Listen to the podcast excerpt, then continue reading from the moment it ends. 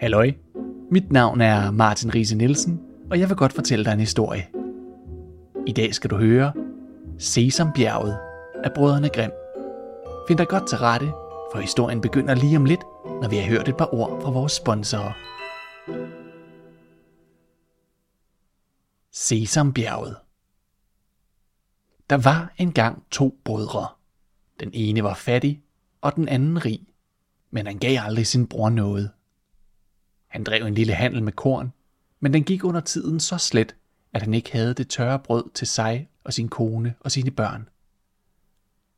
En dag, da han kørte igennem skoven, fik han øje på et stort bart bjerg, som han aldrig havde lagt mærke til før, og stansede forundret og så på det.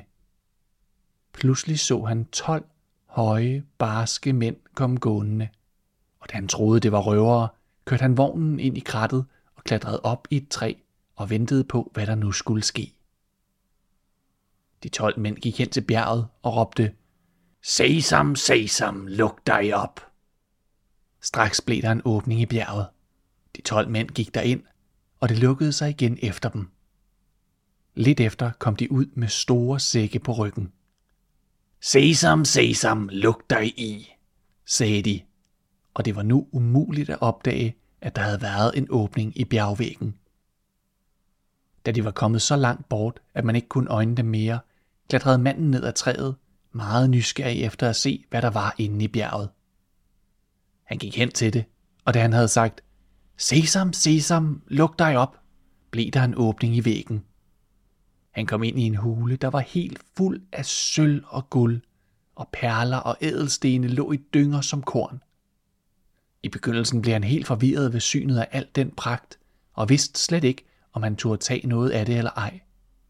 Men til sidst tog han mod til sig og fyldte sine lommer med guld. Men perlerne og ædelstenene lod han ligge. Da han kom ud, sagde han, Sesam, sesam, luk dig i. Og bjerget lukkede sig, og han trak sin vogn frem og kørte hjem.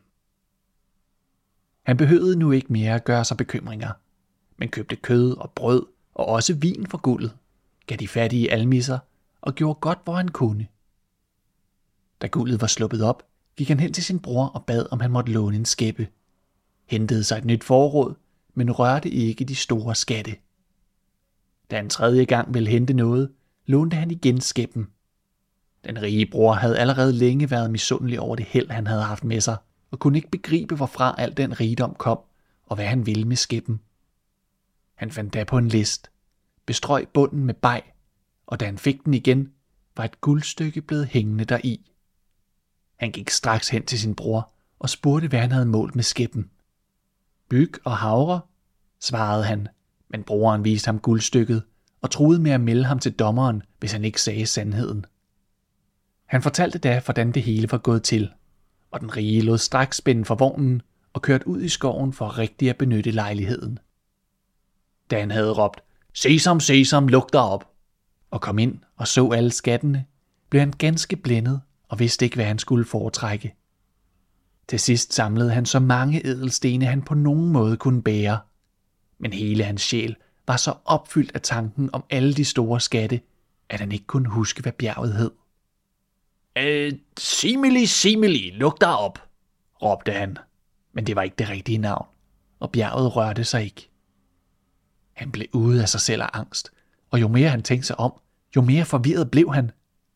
Det var ham umuligt at komme i tanker om navnet. Hvad hjalp nu alle hans skatte?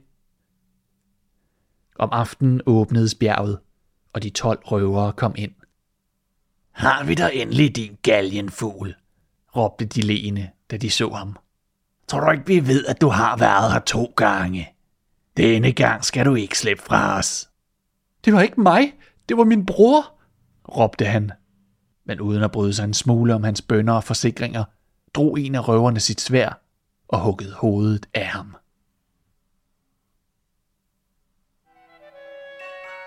Det var alt for nu. Tak fordi du lyttede til Rise Fortæller. Jeg håber, vi høres ved. thank you